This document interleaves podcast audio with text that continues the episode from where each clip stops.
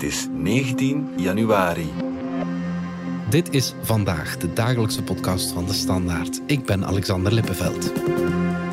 Vrijdag wordt koningin Mathilde 50 jaar en in juli is ze 10 jaar koningin. Dat kunnen we ook bij de Standaard niet onopgemerkt voorbij laten. Oké, Mathilde lijkt van op een afstandje misschien een beetje saai als we eerlijk zijn, maar als koning Philippe populair is, dan is dat toch vooral dankzij haar. En volgens wie het meent te weten, heeft Mathilde het vak van vorstin geperfectioneerd. Wat maakt van haar de perfecte koningin?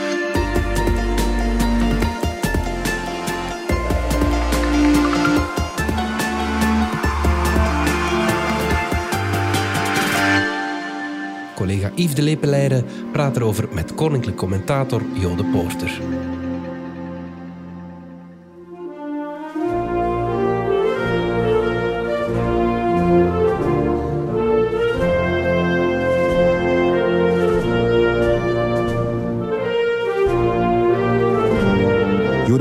Welkom in onze studio. Uh, ja, Mathilde wordt 50 jaar.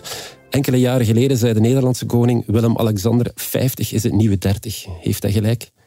Ja, ik, ik doe er in elk geval alles aan om uh, de jeugd niet te verliezen. Dus ja. uh, het is een dame die modisch uh, goed voor de dag komt en ook bijna iedere dag een, een rendezvous heeft met de kapper en, en dat soort dingen. Dus ze probeert toch die frisheid te conserveren. Ze ziet er goed uit. Ja. Heb je haar een kaartje gestuurd of, of ga je haar een kaartje sturen? Ik vind nog veel beter dan dat. Ik ga haar het boek sturen wat ik geschreven heb, De Macht van Mathilde. Ik heb, dat, ik heb een paar maanden geleden ook een, een boek geschreven over haar dochter, Elisabeth. En die heb ik ook het boek gestuurd.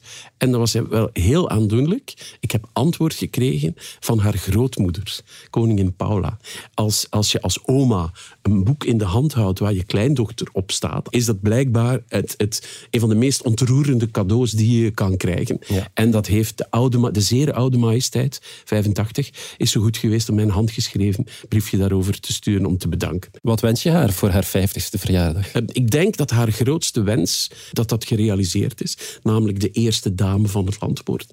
En ik denk dat je haar oprecht mag wensen dat het, de instelling en het land blijft verder bestaan. Want als je kijkt naar wat de politiek op dit moment allemaal aan de hand is en hoe koningshuizen het te verduren krijgen, wat ze zichzelf vaak aandoen. Mm. Um, ik denk dat haar grootste wens vervuld wordt als dat maar mag blijven bestaan. Je zei het al, je hebt dus een boek geschreven over Mathilde, De Macht van Mathilde. Ja, ik uh, moet eerlijk zijn, er lopen in het Belgische Koningshuis toch veel kleurrijkere figuren rondom een boek aan te wijden. Van, van waar die fascinatie voor Mathilde? Uh, je hebt absoluut groot gelijk. Het jubileum van haar 50ste verjaardag en 10 jaar koningin hebben daar iets mee te maken. Maar de ondertitel is De Koningin der Belgen. En het gaat over haar, maar ook over de zes andere vrouwen die die positie bekleed mm-hmm. hebben. En ook nog eens acht andere vrouwen die het niet in naam waren, maar die het wel effectief uitgevoerd hebben, willen. En dat gaat dan over zussen, dochters, tantes, moeders. Ja, en je vergelijkt haar ook met een paar van haar uh, voorgangers. Zeker. Laten we even kijken. Je zegt dat uh, Mathilde gelovig is, maar niet zo godsdienstwaanzinnig als Marie-Henriette. Geëngageerd, maar niet zo fanatiek als Elisabeth. Gedecideerd, maar niet zo manipulatief als Fabiola. Wat is jouw favoriete omschrijving? Uh, wat mijn favoriet is, is dat um, Mathilde van al die eigenschappen, en soms zijn die eigenschappen bij sommige vorstinnen extreem ontwikkeld, dat ze die allemaal bezit, maar dat ze de absolute gave der controle heeft. En uh, Mathilde, als ze iets kan, is het controleren der dingen, het beheersen der dingen. Vooral zichzelf en haar kinderen en haar man. En dat is een van haar grootste kwaliteiten, dat ze in staat geweest is niet alleen die kinderen op de wereld te zetten, maar die kinderen te vormen in het beeld wat zij heeft, wat prinsenkinderen moeten zijn. En ook haar man destijds, en nu nog altijd, mm-hmm. bij te sturen in haar idee van wat de perfecte vorst, schuine streep, staatshoofd vandaag moet zijn. Een andere omschrijving is ook misschien ja, saai en een beetje preuts. Ja, ik ga geen van die beide dingen bestrijden. Um, de tegenpool van Maxima, toch? Ja, kijk... Uh, het Belgische vorstenhuis heeft wat te stellen gehad met koningen en koninginnen die enorm grote vergissingen begaan hebben die het bestaan van de dynastie in gevaar hebben gebracht. Ik noem recent nog maar eens die hele kwestie met Delphine en die nu van Saxe-Coburg heet, of de koningskwestie van Leopold III, die niet alleen zijn eigen koningschap, maar ook de hele koningshuis op de rand van de afgrond heeft geduwd. Daar hebben we heel veel koninginnen en vrouwen een grote hand in gehad. Zowel Philippe als Mathilde hebben een dodelijke schrik dat er iets met die instelling gaat gebeuren en schrijden voorzichtig. En dat is soms niet flamboyant en dat is vaak niet groots en mislepend, maar dat is altijd veilig. Veel mensen vinden haar uh, spontaan, Ja. maar is ze dat echt ook? Eh, Kolonel Vase, las ik in Ja. je boek, omschreef haar ooit als een stewardess die zelfs blijft glimlachen wanneer het land crasht. Ja, dat hangt af van wat jouw definitie van spontaan is. Als, als jouw definitie van spontaan is dat ze zegt en handelt zoals haar innerlijke zelf dat ingeeft, dan is ze dat helemaal niet. Als ze vriendelijk, sympathiek en empathisch overkomt, dan mag je haar wel spontaan noemen. Het is niet iemand die mee de Polonaise gaat lopen. Dat is ze niet. Dat heeft voor een deel te maken met haar functie, maar het heeft ook te maken met de vrouw die ze is en het milieu waaruit ze komt, waar gereserveerdheid met hoofdletter wordt geschreven. Heb je haar zelf al vaak ontmoet? Eh, Ik heb de laatste jaren bij alle grote gelegenheden van de koninklijke familie eh, was ik bij aanwezig. Ik ontmoet eh, de meeste leden van de familie op geregelde basis. Maar weinig journalisten, denk ik, hebben echt ja, al openhartige of Ja. de recordgesprekken gehad met, met leden van Ja. het Koningshuis. Dat is ook een beetje een probleem misschien, want alles wat we Dat daarover weten blijft een beetje uit tweede hand dan toch? Eh, Dat is, dat is niet helemaal waar. Kijk, het belangrijkste is dat je eh, het oneenduidig bewijsmateriaal van wie ze zijn en hoe ze in elkaar zitten en hoe ze denken is wat ze doen.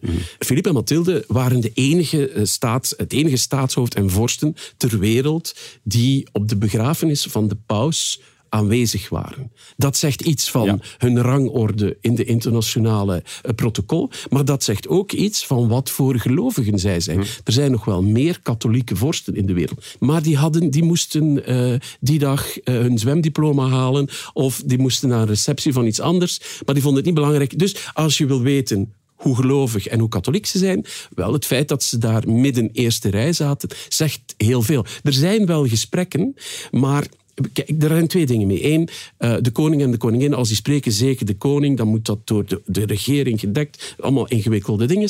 En ook het feit als de een van die twee mensen, maar laten we nu even voor het gemak Mathilde nemen, met iemand praat zoals ik. Ja, die vrouw en alle twee, en eigenlijk die hele familie, die zijn heel erg op hun hoede, want die denken dat als ze bijvoorbeeld in een gezellig sociaal gesprek met mij verwikkeld zijn, dat ze dat op, op hetzelfde moment met de hele Vlaamse deel van de bevolking aan het praten zijn. En voor een groot stuk is dat ook het geval. Dus dat is een heel beladen situatie en daar ontstaan geen gezellige babbels en daar moet je alle begrip voor hebben. Maar je zou toch willen weten of Mathilde zich ja, soms niet eens ergert aan, aan Philippe of zo? Ja, dat zou je heel graag willen weten. En dan moet je rekenen op, eh, op eh, uitschuivers en op dingen die gebeuren. Die, de camera die net iets te lang loopt, op die te, te, te vroeg beginnen draaien. Het mooiste voorbeeld van vorig jaar was het penincident van koning Charles. Ja, ja. Hè? Dus dat soort dingen. Maar ik moet ik zeggen dat ehm, als je Charles dan in het echt meemaakt, dat hij heel erg goed lijkt op wat je daar gezien hebt. Dat is een heel, dat is een vriendelijke man, dat is een grappige man, dat is een, een toegankelijke man, maar ook te, tezelfde tijd een heel opvliegende man. En het Belgisch Koningshuis is meer eh, de, het, het huis van controle en van beheersing en van binnen de lijntjes lopen. En die dingen kunnen daar gebeuren, maar de kans is statistisch gezien veel kleiner. Ja. Laten we eerst even teruggaan naar het jaar 1999, toen prins Philippe toen zijn verloving met Mathilde aankondigde. Alors je voudrais dire, puisque vous êtes tous là, que personne, personne m'a présenté Mathilde. Qu'il n'y ait pas quelqu'un qui dise c'est moi qui l'ai présenté, c'est chez moi que ça s'est passé. Moi j'ai vu Mathilde de loin, j'ai été lui parler, je l'ai connue. Personne ne m'a présenté Mathilde. Eh, jo, toen eh, Philippe Mathilde voorstelde als zijn verloofde, kwam zij vrijwel uit het niets. Mhm. Eh, er was bijna geen enkele journalist, denk ik, die ja, op de hoogte was van, van de relatie. Hoe kon het Hof dat zo lang geheim uh, houden? Duurtijd heeft daar iets mee te maken. Hè. Hoe korter iets duurt, hoe makkelijker het je kan uh, bedekt houden. Um, maar ja, het was natuurlijk iets... Um, Filip was al van zekere leeftijd en de klok tikte. En er zijn allerlei dingen daarvoor gebeurd in het Koningshuis. De, de uh, koning Boudewijn heeft erop aangedrongen dat de Salische wet is afgeschaft. Dat betekent dat vrouwen ook op de troon kwamen. Toen zag Filip het scenario gebeuren dat hij had niet getrouwd, geen kinderen, zijn vrouw getrouwd, een meer, eh, zijn zus bedoel ik, uh, Astrid, een meervoud aan kinderen. Dus daar dat is een kleine competitiegeest ontstaan waarop Filip uh, ongetwijfeld moet gedacht hebben oké, ik moet hier snel handelen uh, en ik moet een, een goede kandidaat vinden. Ja, Mathilde was niet zijn eerste vriendin, nee. maar wat had zij wel wat die andere vrouwen niet hadden? Zij heeft wat de huidige prinses of Wales ook heeft, Catherine. Zij heeft eh, de 100% bereidheid om zich alle dagen, 24 uur per dag, in te schrijven in een archaïs, ouderwets, lastig, vervelend, alles opeisend systeem en daar heel veel plezier en genoegen aan te ontlenen. En dat is de enige manier waarop je dat kan doen. Waarom in godsnaam, denk ik? Ja, waarom in godsnaam? Daar zijn een paar mogelijke verklaringen uh, voor. Eén heel belangrijke is omdat ze uit zo'n familie stamt. Haar grootmoeder was ook een prinses, dus ze kent heel goed hoe dat in elkaar zit. En in die wereld is de rangorde uh, van mensen. Dat hele systeem bestaat uit rangorde. En je betekent iets altijd ten opzichte van het hoogste in de boom. En het hoogste in de boom is altijd de koning. Dus als je wil vooruitgang maken in dat systeem, de plaats die het meest gegeerd is, is de plaats van de koning of tweede prijs de plaats ernaast. Ja. En ik, dat is ongewild een ambitie die bij heel veel van die meisjes en mannen leeft, om daar te komen. En dat is iets waar haar ouders, dat is vooral iets waar haar vader um, enorm, veel, enorm bezig is geweest, Patrick, um, en enorm veel ambities in had. En alle drie de dochters hebben het wat dat betreft heel goed gedaan. Er is eentje met een baron getrouwd, ik doe nu, ik bouw op. Er is eentje met een markies getrouwd en dan is er eentje met de kroonprins uh, van het Koninkrijk België getrouwd. Dus als, als dat is wat je belangrijk vindt in het leven als vader en moeder, dan hebben die kinderen dat fantastisch gedaan. Ja, maar het was bijna haar roeping om, om koningin te worden. Wel, je, als je kijkt, dan zie je dat er al koninklijke attributen zichtbaar worden van vrij jonge leeftijd. Ze is de oudste dochter eh, van een gezin van hoofdzakelijk meisjes. En je ziet dat ze al die zorgende, die leidende, die opofferende rol al heel snel op zich neemt. En dat ze al heel snel wat wij vandaag de dag zien als typisch koninklijke taken, zoals liefdadigheid, goede doelen, mhm. naar Cairo gaan om in de sloppenwijken je te gaan inzetten voor uh, arme mensen. Dat ze al van heel jong leeftijd uh, ontwikkeld heeft en deed zonder dat ze die functie en die titel had. En als je natuurlijk dat profiel hebt, dan kom je heel snel op de radar van mensen die op zoek zijn naar een vrouw die geschikt is om zo'n rol te spelen. Maar in het paleis blijkbaar omschrijven kwaadtongen haar ook als een carrièriste. Uh, dat is wat ik hoor. Dat is een beetje een lelijk woord voor iemand te omschrijven die zeer vastberaden en zeer gefocust is en zeer goed weet wat ze wil. Um, dat is iets, eh, ook in de vroege jaren, hoe haar familie en haar zussen haar altijd omschreven. Ze is uh, vriendelijk, ze is, heeft heel veel energie en ze is heel erg gefocust. En dat moet je wel hebben als je die taak wil uh, ambieert en wil uitvoeren. Ja. Ze heeft Philippe ook een beetje gekweekt, hè, mogen we wel zeggen. Van wees een man, laat niet met je sollen. Ze heeft ook uh, zijn populariteit een boost gegeven. Heeft zij Philippe echt veranderd? Wel, laat de, de, de populariteitspols daarvoor het antwoord zijn. Uh, toen Philippe alleen kroonprins was en nog geen relatie of geen verloving had met haar, speelde hij heel slecht. Mm dachten mensen van, hij is niet geschikt, hij, gaat, hij zal het niet kunnen, hij is onbekwaam, we gaan naar een andere oplossing moeten uitkijken. En als bij mirakel, bij haar intrede, is niet alleen zijn populariteit gestegen, wat je kan begrijpen dat een koppel met een vrouw die er goed uitziet en blond is, dat dat naar boven gaat. Ik bedoel, de, de, de, de beter uitziende leden van alle koninklijke families die een bepaalde leeftijdsgroep die zijn interessanter voor de media en voor het publiek dan de andere. Dus dat klopt en dat kan je begrijpen. Maar wat merkwaardig is, is dat sinds het aantreden van Mathilde, is dat de mensen ook vinden dat Philippe geschikter is geworden, dat hij beter presteert en dat hij geschikter is geworden voor zijn rol uh, van staatshoofd. Hij zegt het zelf vaak dat zij een van de grootste talenten is mensen in hun kracht brengen. Ja. En zien wat mensen hun kwaliteiten zijn en dat versterken en ondersteunen. En we kunnen een aantal uh, dingen opnoemen waar koning Filip niet in straalt. Maar wat hij wel heel goed kan, is uh, een, enorme werkethiek aan de dag leggen en uh, met enorm veel inzet en energie die taak invullen. En zij heeft gezegd, oké, dan maar niet inzetten op leuk, charismatisch, geweldige um, Obama-speechen mm -hmm. houden. Maar we gaan vroeger opstaan en we gaan harder werken en we gaan zorgen dat de hele zaak goed onderhouden is. Mm. En op zich is dat ook een belangrijke kwaliteit. Maar blijkbaar had Philippe toch zeker in de beginjaren, lees ik het er ook wel moeilijk mee dat Mathilde hem overschaduwde. Ja, er is, er is een lichte mate van Diana-effect ja. daar aanwezig. Hè. De, de buitenlandse reizen, de, de handelsmissies, waar hij dan als kroonprins... Uh, die hij leidde, dat was matige belangstelling voor uit de pers. Toen um, zij erbij kwam, was er ineens een exponentiële groei in die aandacht. gingen veel meer mensen mee, maar het probleem was, ze gingen mee en ze volgden haar programma. Dus hij bleef, bleef, ook weer alleen achter. En ik weet niet of dan, maar in die periode um, is, de, is de strategische beslissing gekomen om dat koningschap als duo uit te voeren. Maar leidde dat soms tot spanningen in het huwelijk? Want die geruchten gingen toch ook de ronde? Wel, ik kan me voorstellen dat het niet prettig is dat je als uh, uh, kroonprins van een land ergens naartoe gaat, dat er een officieel programma is en dat alle belangstelling gaan naar het bijprogramma of het programma mm. ernaast. En dat je moet dan of daarmee strijden, of, en dat is wel een briljante vondst van iemand geweest op het paleis van dit gevecht gaan we nooit kunnen winnen. Laten we die twee krachten samenvoegen. Dan moeten mensen niet meer kiezen tussen haar of hem, maar dan krijg je Philippe en Mathilde.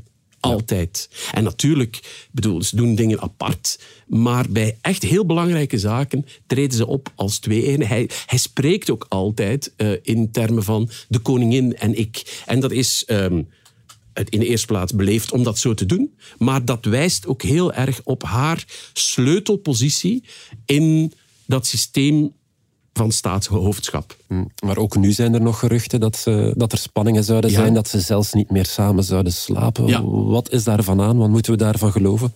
Wel, ik kan je zeggen dat het niet samen slapen een heel courant gebruik is in koninklijke families. De meeste mensen in koninklijke families, zelfs jongere mensen um, hebben aparte slaapvertrekken. Omdat ze de ruimte hebben om dat te doen, maar omdat dat gebruik en traditie is in die kringen. Mm. Je ziet elkaar op bepaalde gelegenheden, je hebt een maaltijd met elkaar, um, maar je slaapt apart. Dus als dat zo is, kan dat daarmee te maken hebben. Um, maar verder, intieme details uh, heb ik daar niet over, helaas. Ja. We gaan er even uit voor reclame en straks hebben we het over de toekomstige koningin van België, Elisabeth. De technologische innovaties en interessante condities bij Mercedes-Benz zetten je rijervaring werkelijk op zijn kop. Kom in januari langs bij Hedin Automotive en ontdek de vele ingenieuze luxe, veiligheids- en comfortpakketten op een breed gamma aan toonzaalmodellen. Of ervaar het gewoon zelf tijdens een uitgebreide proefrit. Ontdek onze voorraad aan stokmodellen op hedinautomotive.be of kom langs in een van onze 20 showrooms.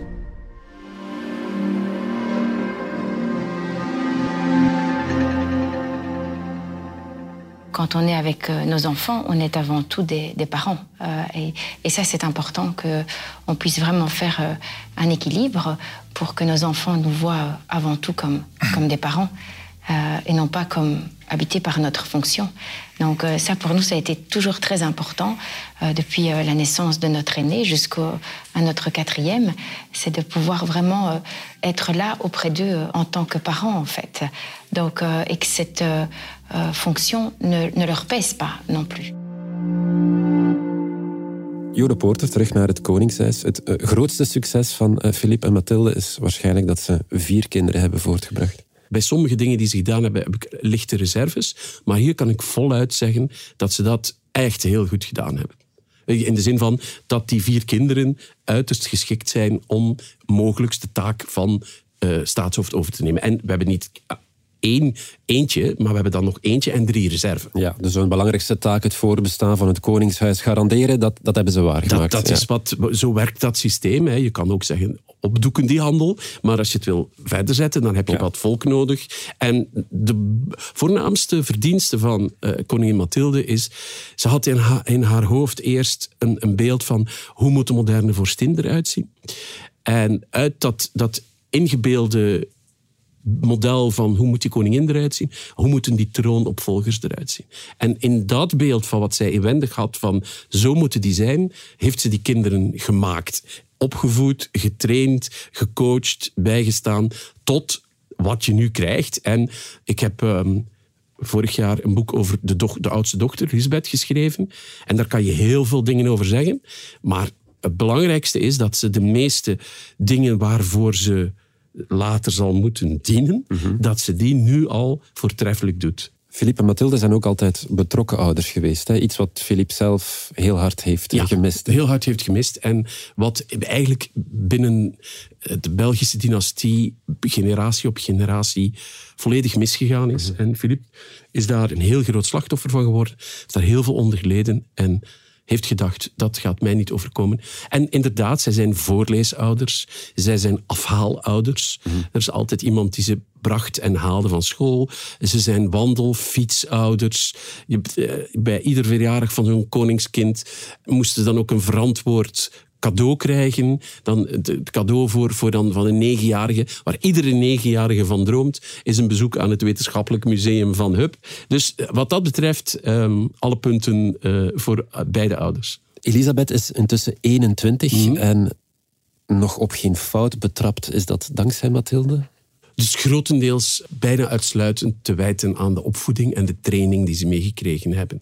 En de, de, de absolute doodangst van het koninklijk paar om vergissingen te maken die schadelijk zou kunnen zijn voor het huis en het land. Ja. Nu, Elisabeth is de best opgeleide kroonprinses ooit, zonder twijfel. Maar hoe lang zal zij nog in de coulissen moeten staan wachten?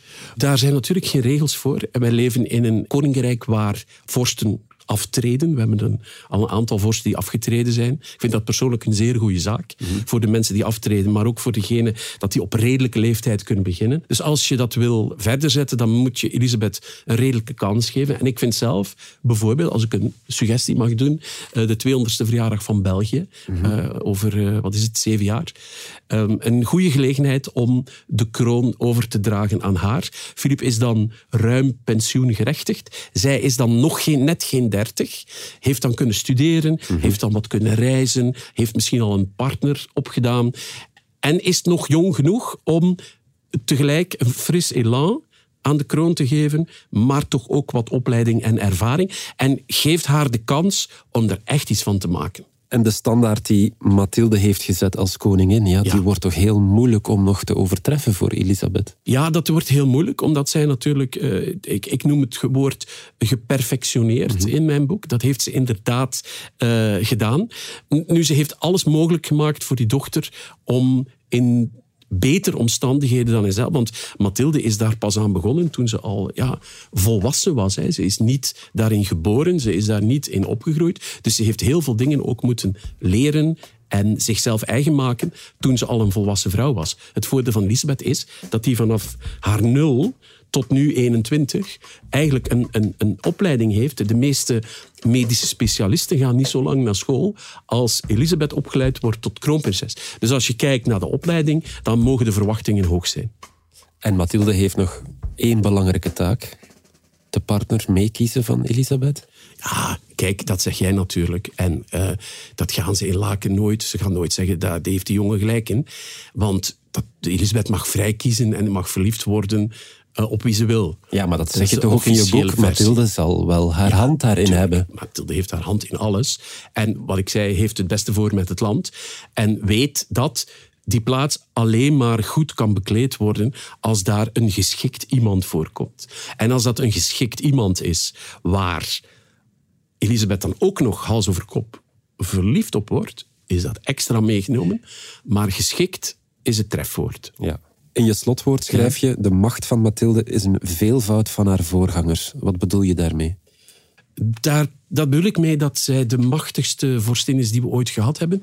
Dat komt door een aantal dingen. Eén, omdat ze het wil zijn. Er waren een aantal die er totaal geen belangstelling voor hadden.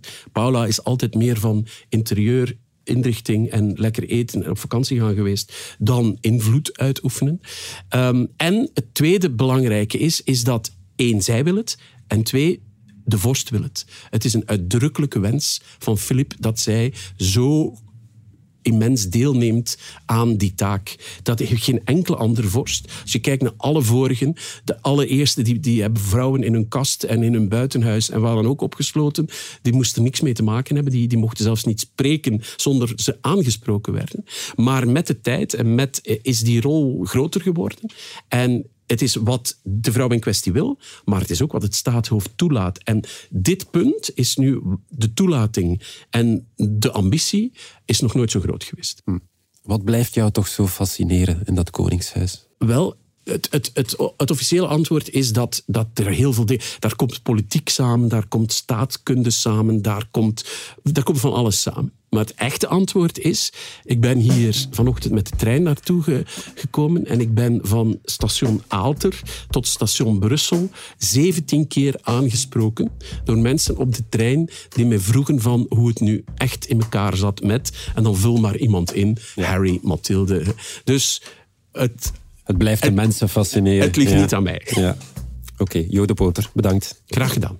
Blijf nog even hangen, want ik heb een bijzondere luistertip van zijn wieg over zijn gangsterjaren, bloedige overvallen, geldtransporten, ontvoering van een ex-premier, de ontsnapping van de eeuw. Philippe Lacroix krijgt de doodstraf. Tot zijn leven nu als vrij man. Hoe wordt iemand wie hij geworden is? Philippe Lacroix, brein van de bende Hamers, vertelt voor het eerst zijn hele verhaal. Lacroix, ik was gangster. Podcast van de Standaard. Vanaf 21 januari in de app DS Podcast of op uw favoriete podcastplatform. Dit was vandaag de dagelijkse podcast van de Standaard. Bedankt voor het luisteren. Volg ons op Spotify, Apple Podcast of eender welk ander podcastplatform. In onze gratis FDS podcast kan je niet alleen ons werk beluisteren, maar ook de beste podcasttips terugvinden met zorg geselecteerd door onze redacteur Max de Moor. Alle credits van de podcast die je net hoorde vind je op standaard.be-podcast. Reageren kan via podcast.standaard.be. Morgen zijn we opnieuw.